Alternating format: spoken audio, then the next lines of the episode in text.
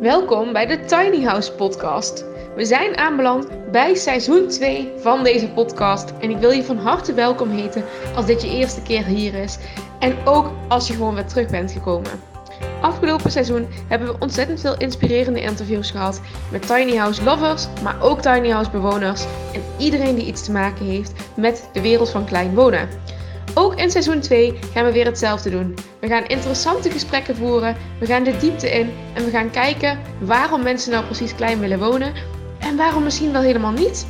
Dus, ben jij benieuwd in die tiny house lifestyle? Luister dan snel verder en ik wens je heel veel luisterplezier. Welkom bij deze bonus podcast van de Tiny House Lifestyle podcast. Nou ja, ik zou graag zeggen dat ik op dit moment iemand tegenover me had met wie ik een zeer interessant gesprek ga voeren. Maar dit keer ben ik zelf aan het woord en ik vind het meer dan spannend om de hele podcast te gaan vullen met mijn eigen verhaal. Ik hoop jullie mee te kunnen nemen in een stukje nou ja, geschiedenis, hoe het bij mij allemaal begonnen is, wat ik je zodra ga vertellen. En ook hoe uiteindelijk mijn droom werkelijkheid wordt en wat ik ervan vind, wat ik ervan geleerd heb en um, nou ja, voornamelijk hoe ik het ervaren heb. Waar ik het over heb, is namelijk het feit dat ik afgelopen jaar in juli in een eigen tiny house heb gewoond. En dat tiny house was niet zomaar een tiny house. Het was geen tiny, tiny house op wielen. Geen tiny house op fundering. En ook geen permanente woonbasis. Maar ik heb een maand lang geleefd op een zeilboot. Nou, die zeilboot die was uh, absoluut niet zo groot en uh, met zekerheid tiny. En daar leefde ik niet alleen op, maar met vijf andere mensen. Hoe ik daartoe kwam, dat vertel ik je zo meteen. Maar laten we gewoon meteen teruggaan naar de geschiedenis. Toen ik twee jaar geleden in IJsland op stage was, zat ik vijf maanden lang op een boot. Op dat moment geen zeilboot, maar voornamelijk motorboten om onderzoek te doen naar walvissen. Daarnaast was het niet fulltime, maar wel dagelijks tot ongeveer 12 uur per dag. Omdat ik zo'n fan was van de walvissen, probeerde ik eigenlijk alle tours die we hadden voor de toeristen mee te gaan om onderzoek te doen en tevens om op het water te zijn. En dat gevoel, het altijd op het water willen zijn, is iets wat bij mij als kind zijnde al sterk aanwezig was. En het staat in contrast met hoe ik me eigenlijk voel als ik op het water ben. Want als reiziger is het ontzettend bijzonder om te vertellen dat ik ziek word als ik in de auto zit, als ik in het vliegtuig zit. Nou ja, vroeger ook toen ik in de trein zat, toen ik op de boot stapte. Altijd en overal kon ik ziek worden. En toch bleef dat water me altijd trekken. Sterker dan elk ander vervoersmiddel en elke andere plek op aarde. Als ik bij het bos was, verlangde ik naar het water en naar de zee. Ehm, en dat is eigenlijk altijd zo gebleven. Maar dat moment in IJsland zat ik dus 12 uur per dag op het water. Ondanks zeeziekte, ondanks kou, ondanks nou ja, fysieke ongemakken eigenlijk, want makkelijk was het zeer zeker niet. Maar ik wilde daar op dat water zijn. Zoals ik al zei, waren het in IJsland voornamelijk normale boten. Normale boten als zijnde kleine, waar ongeveer 30 mensen op konden, tot grote, waar wel 150 mensen op konden, om naar die walvissen te kijken in de baai. Maar we hadden ook één zeilschip. En dat zeilschip was, nou naar mijn mening, echt groot. En het bijzondere aan dat zeilschip was dat hij bijna nooit het water opging. Maar als we dan mee konden, dan was het magisch om geluidsloos over dat water te glijden. Vaak als het water dan compleet glad was en je de weerspiegeling van de bergen, van de wolken en zelfs van de boot kon zien, dan hoorde je alles. Je hoorde de uitademing van de walvissen als ze door het wateroppervlak kwamen. Je hoorde camera's klikken op het moment dat zo'n walvis uit het water kwam springen. En je kon jezelf horen ademen, eigenlijk van verwondering op het moment dat er weer zo'n mooi magisch beest boven water kwam. Doordat we met een zeilboot gingen, of wanneer we met een zeilboot gingen, was de ervaring van het zien van walvissen dus tien keer zo magisch en nog veel en veel intenser dan wanneer we met een gewone motorboot gingen. Daarnaast vond ik het ook nog eens geweldig om te weten dat we geen negatieve impact hadden op die walvissen. En dat we daarmee eigenlijk gewoon deel waren geworden van hun omgeving, van hun habitat. En dat ze ons daarmee accepteerden en vaak ook nieuwsgierig naar de boot toekwamen. Het sailschip was dan ook niet alleen bij mij, maar eigenlijk bij iedereen favoriet. Helaas was het niet altijd mogelijk trouwens om mee te gaan met dat zeilschip, omdat er dus minder mensen mee konden. Er was namelijk veel ruimte nodig voor nou ja, de, de zeilen en het hijsen van de zeilen. En als onderzoeker of stagiair had je eigenlijk altijd de laatste keus. Op een van die dagen toen we eigenlijk op een normale boot zaten, dus een motorboot, kwamen we terug in de haven. En ik zag het eigenlijk vrijwel direct. Een onbekende mast stak namelijk boven alle andere boten uit en lag aangemeerd aan de steiger. De steiger, dat was die helemaal rechts, terwijl links eigenlijk onze zeilboot lag. En dit was ook geen houten mast, maar dit was gewoon een moderne boot en een moderne mast. Er moest dus wel iemand nieuws zijn. En mijn nieuwsgierigheid, nou ja, als nieuwsgierig persoon zelf, was direct geprikkeld. Toen we eenmaal op de steiger stonden van onze boot, zagen we ook dat het een zeilboot was uit Noorwegen. Ja, in zo'n klein dorpje in het noorden van IJsland gebeurde er niet zo heel veel. Dus op het moment dat we een zeilboot zagen die ook nog eens uit Noorwegen kwam, was eigenlijk iedereen in rep en roer. Ik kon dan ook niet wachten om die mensen te leren kennen, ook al wist ik nog niet wie ze waren, waar ze vandaan kwamen, wat ze hier deden en wanneer ze weer zouden gaan. Maar iets van binnen zei tegen mij: Ik wil ze leren kennen. Want die zeilboot, dat ze de oceaan over zijn gestoken, waar ik de zee, dat is iets ongrijpbaars. En het voelde echt zo in een vingerknip als een van mijn dromen. Eigenlijk pas op het moment dat ik die zeilboot zag. Alsof toeval niet bestaat, bezocht ik die avond met mijn huisgenootje het lokale zwembad, ehm, waar we eigenlijk zo'n drie keer per week te vinden waren. Er was dus niet zo heel veel te doen in het dorp. En naast ons als stagiaires en een aantal seizoenswerkers waren er niet heel veel buitenlandse mensen. Toeristen gingen namelijk vaak naar het geothermische water. Ehm, en het normale zwembad was eigenlijk voorbehouden nou ja, aan de dorpsbewoners en wij dus. Toen we daar binnenkwamen, viel het echter nou ja, direct op dat er onbekende mensen in het water zaten die ook nog eens Engels praten. En ik wist het meteen dat zij dan wel die mensen van de zeilboot moesten zijn. Ik kon niet wachten om bij ze te gaan zitten. En tegelijkertijd twijfelde ik en mijn huisgenootje ontzettend. Want ja, wat moet je in godsnaam zeggen? Weet je, je wil kennis met ze maken. Uh, ik wilde alles van ze weten. Maar tegelijkertijd ben je maar een stagiair en weet je niet of zij het wel op prijs stellen om gestoord te worden. Toen we echter in hetzelfde zwembad terechtkwamen, er waren er immers maar drie, kwam het gesprek al heel snel op gang en was eigenlijk beide van onze, onze interesses waren gewekt. Dus voor mij die van hun en uh, andersom exact hetzelfde. We raakten aan de praat en we kwamen erachter dat er dus een zeiler was, een kapitein uit Noorwegen, een onderzoekster die, als ik het goed zeg, uit Zwitserland kwam, een schrijver die mee was en er zou nog een fotograaf komen om alles vast te leggen. En ze waren bezig met onderzoek naar microplastic in het water en ze waren dus eigenlijk overgestoken van Noorwegen naar IJsland. Dat moment is eigenlijk de, de grondlegger, het zaadje geweest van mijn droom om op een zeilboot te reizen. Om bijvoorbeeld onderzoek te doen, walvissen te zien. Ze hadden een superpot achter zich aangehad van dolfijnen en van grienden. En ik had zoiets van, dit wil ik ook een keer meemaken. En het maakt me niet uit wanneer, het maakt me niet uit hoe. Ik had ook geen zeilbewijs, dus ik wist dat ik niet met hem mee kon gaan. En tegelijkertijd zat die wens altijd diep geworteld. Maar twee jaar lang liep alles anders dan ik eigenlijk gepland had. Ik kreeg een eigen bedrijf. Nou, ik ging op vakantie, ik ging op reis, ik kreeg een bus. Dingen kwamen eigenlijk nooit precies uit. Plus, ik wilde natuurlijk graag met mijn huisgenootje op die zeilboot. En twee schema's combineren was nog veel en veel lastiger dan één schema combineren. Afgelopen juni zat ik eigenlijk in een periode van, van drukte in mijn bedrijf. Toen ik op vrijdagavond mijn laptop dichtsloeg om te gaan koken om het weekend te gaan vieren. En op dat laatste moment, in die laatste minuut, keek ik nog even op Facebook. Gewoon om er doorheen te scrollen, te weten wat er vandaag gebeurd was en zo mijn dag af te ronden. En op dat moment kwam ik terecht bij een berichtje in een zeilgroep waar ik dus sinds dat moment in IJsland in zat.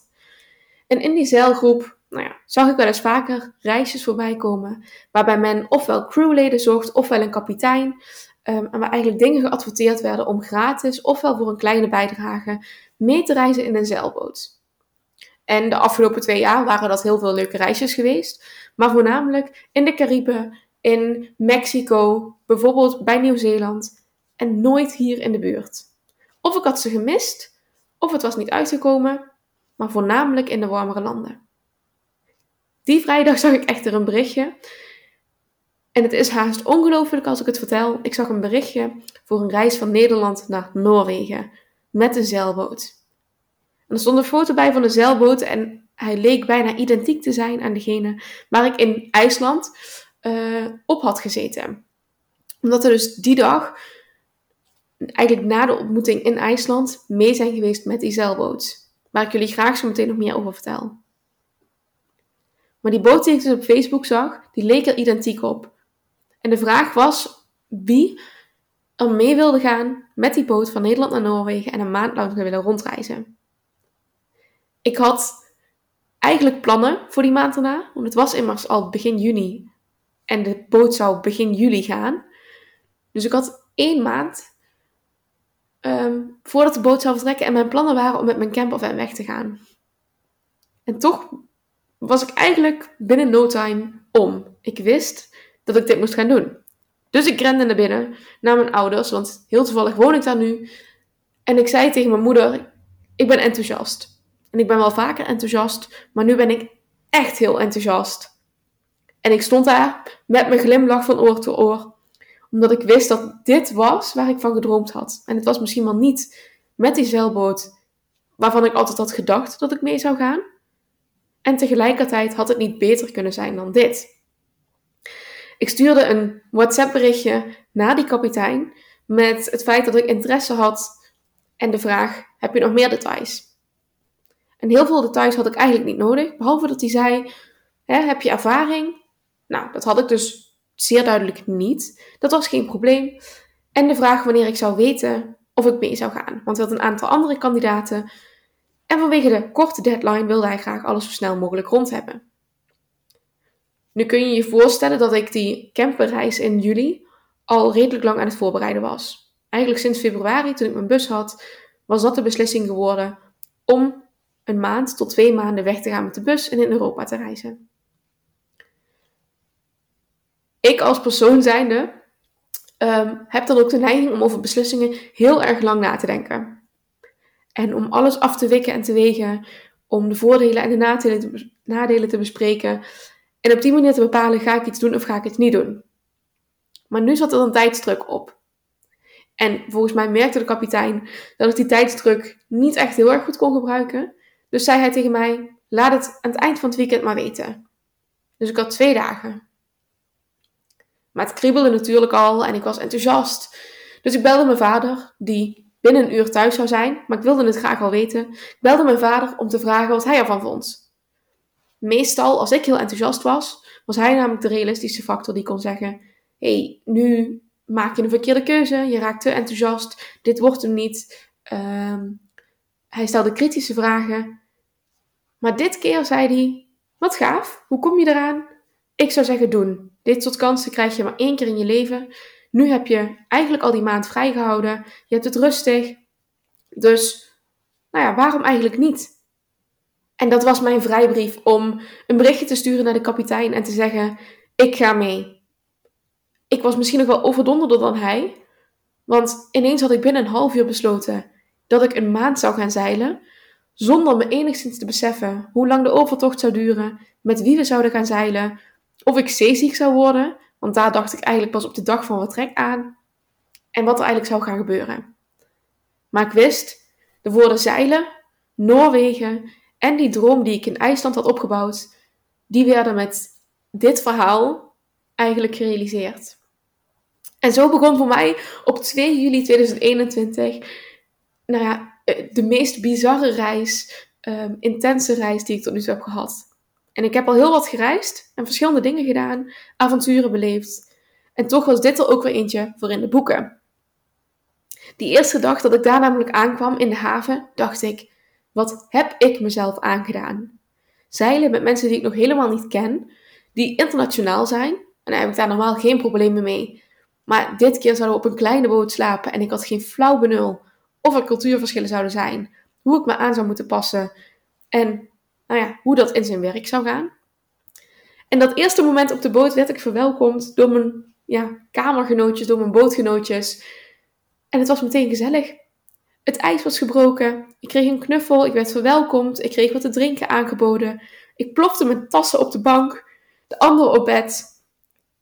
En ik wil eigenlijk niet meer van de boot af. En ik zei, goed, ik zei doei tegen mijn ouders. En ik stapte op de boot. We dronken wat. We begonnen met de voorbereiding van de boot. En zo vertrokken we de volgende dag eigenlijk met z'n vijven, want de zesde zou nog komen, naar de volgende haven toe. Ja, die eerste dagen die waren geweldig. We leerden elkaar echt super snel kennen. We hadden niet extreem diepe verhalen, maar vooral gewoon wat doe je op dit moment, wat drijft je. En de zesde persoon kwam er ook bij. Die vrouw kwam uit Servië. En ook daarmee nou ja, had ik eigenlijk meteen wel een, een, prima klik. De groep was gezellig en je merkte dat iedereen met haar met hetzelfde doel zat. En dat was om te zeilen, om te reizen, om een avontuur te beleven. En uh, nou ja, misschien ook wel vooral om even van het drukke leven te ontsnappen. Gedurende die reis, want er is ontzettend veel gebeurd, um, heb ik vooral ook heel veel nagedacht en heel veel niks gedaan. En er zijn een aantal inzichten die naar voren kwamen, die te maken hebben met het klein wonen op die boot, die te maken hadden met mijn eigen leven, die te maken hadden met het reizen, andere culturen leren kennen, mijn waardes en dingen die ik eigenlijk zoek. Ehm, en hoewel Noorwegen en de oversteek en alles met het zeilen geweldig waren, heb ik nog veel meer gehad aan het feit dat ik een maand lang in een bubbel zat. Weggetrokken van mijn eigen nou, ondernemersleven, van mijn eigen familie, vrienden, omgeving. Maar praten met mensen met een andere mindset, met andere levenservaringen. En dus ook met een andere visie op de toekomst.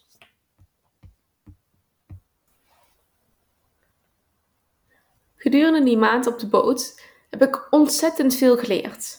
En ten eerste was dat dus eigenlijk slowing down, dus langzamer aandoen in het leven en meer genieten.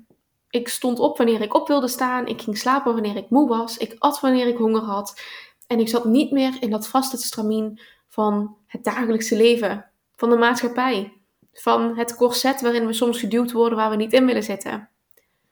En een van de belangrijkste dingen die ik leerde toen ik tiny woonde, toen ik klein woonde op die boot, was dat ik veel meer naar buiten ging. In één keer deden de weersinvloeden me helemaal niks meer. Waaide het, dan deed je een jas aan. Regende het, dan trok je je bikini aan en ging je buiten zitten, want dan waren er zo min mogelijk spullen nat. En hoewel dat misschien ontzettend scheef klinkt en als een grap, was dat serieus de situatie. Um, toen ik me op een dag gewoon eigenlijk niet zo lekker voelde en wat ruimte nodig had. En waar ik normaal in mijn huidige leven een hoekje in een kamer op zou zoeken, zocht ik nu de natuur op. Ondanks dat het regende en dat het koud was. Maar juist in die bikini, op dat moment, midden op de berg in het water, want we lagen aan een steiger aan een, aan een meer, of niet eens in een meer, maar een steiger in de zee aan een eiland, zat ik daar midden op die berg te kijken naar alle bootjes die langskwamen, die de regen op hun dak kregen en vervolgens zelf nog sneller naar huis voeren. Ik werd toleranter voor het weer en ik was dus ook meer buiten ik genoot er ook meer van. En ik had ook het gevoel alsof ik beter sliep, beter functioneerde, gezonder was. Omdat ik meer buiten was en ja, veel minder achter mijn laptop zat. Ik was rustiger in mijn hoofd, minder prikkels. En nou ja, ik kan alleen maar zeggen dat ik er ontzettend van genoot. Daarnaast merkte ik dat ik een ontzettend hoog Daarnaast merkte ik dat ik een ontzettend hoog tolerantieniveau had voor de drukte van de groep. We waren met zes man en we zaten dus op een boot met afmetingen van circa 10,5 meter bij 3,5 meter. Nou, we sliepen per twee op een kamer. Dus ik had altijd een kamergenootje en je was eigenlijk binnen, overdekt, nooit alleen. Ik had dan ook verwacht dat ik als redelijk introvert mens, um, in ieder geval in, in veel omstandigheden waar ik toch zelf even op moet laden, dat ik er last van zou hebben om zoveel op één hoopje te zitten. Maar eigenlijk viel dat reuze mee. En juist doordat iedereen wist dat de situatie zo was, was mijn tolerantieniveau voor de drukte van de groep in één keer veel hoger. En ook de waardering voor wat je thuis wel hebt en daar op de boot niet, was in één keer veel groter. Juist dat bed, wat lekker ruim is. Of die bank waarbij je precies weet hoe je moet gaan zitten als, het eventjes, als je even wil relaxen. En tegelijkertijd was er ook heel veel materialistische dingen thuis die ik helemaal niet miste. Ik kon immers werken aan een gewone tafel in plaats van achter mijn bureau waar alles netjes geordend lag. Zolang ik mijn spullen maar opruimde, en ik had daar veel minder spullen dan dat ik thuis had, kon ik gewoon werken waar ik wilde. Ik had niet tien verschillende plekjes nodig om te zitten, te werken, te lezen of wat dan ook. En de enige film die ik afspeelde s'avonds was het leven buiten. Observeren hoe andere mensen bezig waren in de haven, aan het zwemmen waren, hun ding aan het doen waren. Nou en vooral ook zelf reflecteren, analyseren en nadenken over het leven. En dat klinkt allemaal heel erg zwaar. En dat was alles behalve wat ik voelde. Juist door op die manier te leven, leven op het ritme van de dag, van de natuur, van de omgeving, was ontzettend licht. Dus ja, het was een intense ervaring om zoveel met mezelf te zijn en na te denken. En anderzijds heb ik me nog nooit rustiger en gelukkiger gevoeld en meer verbonden met de natuur. Dus ik kan wel stellen dat die hele maand zeilen heel veel impact heeft gehad op wie ik ben als mens en hoe ik het leven ervaar. En ik weet dat ik ook met minder kan. En ik weet dat ik nu in een tiny house wil leven. Tuurlijk met aanpassingen.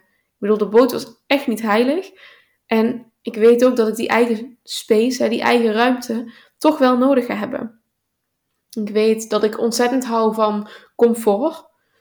Maar daarbij ook streef naar minimalisme en natuurlijke materialen. Zo min mogelijk plastic, zo min mogelijk kunstmatige dingen. En ik wil recyclen en ik wil DIY'en en ik wil dingetjes zelf uitvinden, improviseren, innoveren. En het leven op zo'n manier samenstellen dat het perfect bij mij past. In plaats van, zoals ik net al zei, in dat corset te passen van de maatschappij. Die maand op de zeilboot heeft me dus ontzettend veel geleerd.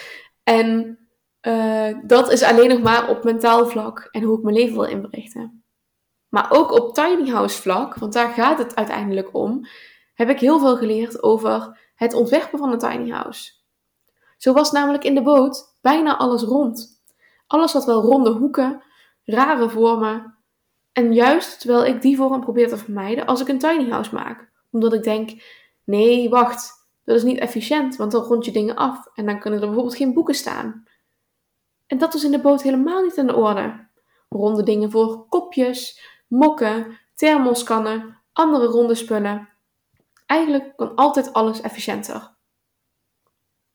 Daarnaast vraag ik me ook af of ik altijd wel zo klein mogelijk heb ontworpen. Als ik de boot zie, dan kan daar namelijk een heel installatie- en motorensysteem in die boot zitten. Wij kunnen er met z'n zessen leven. En we hadden allemaal genoeg ruimte. En ondanks dat was het kleiner dan dat ik normaal mijn normale tiny house ontwerp. De vraag is alleen, wil ik ze ook zo klein ontwerpen vanwege het level van comfort? Of wil ik ze bijvoorbeeld iets groter ontwerpen? En hoe kan ik die efficiëntie van de boot dan toepassen in wat ik zelf ontwerp?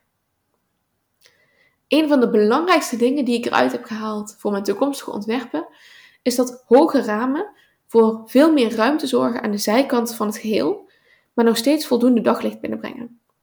In een boot heb je namelijk vrij kleine raampjes. Ze zitten allemaal op circa 1,70 meter, 1,80 meter ooghoogte als je onder het dek staat.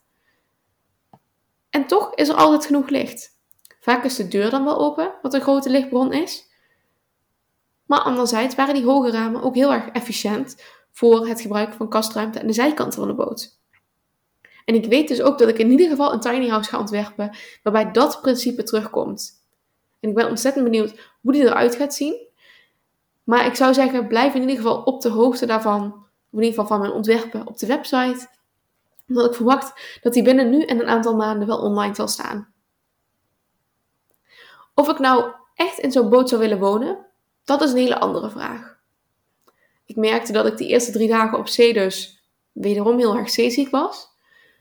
Ik vond het leven op het water aan de kust geweldig, maar echt met de oversteek van de Noordzee ook heel erg beangstigend.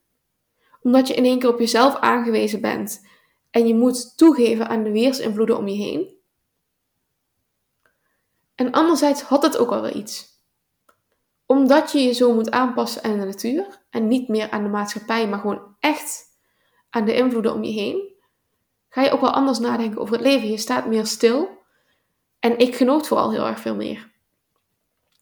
Dus waar ik nu aan zit te denken is, hm, misschien ooit heb ik een tiny house op het land en heb ik wel een zeilboot langs de kust.